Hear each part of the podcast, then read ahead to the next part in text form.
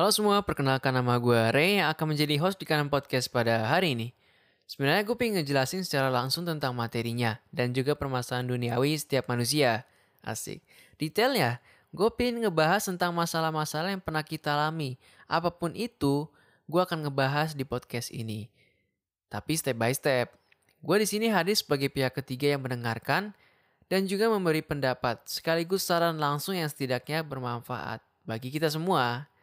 Di sini nggak hanya gue aja yang akan memberikan pendapat, tetapi kalian sebagai pendengar juga bisa memberikan pendapat dan saran kalian melalui email yang akan gue share nanti di podcast ini. Jadi gue berharap supaya podcast ini tuh dapat memberikan hal positif buat kalian semua para pendengar. Di sini podcast ini uh, gue juga ceritain pengalaman gue.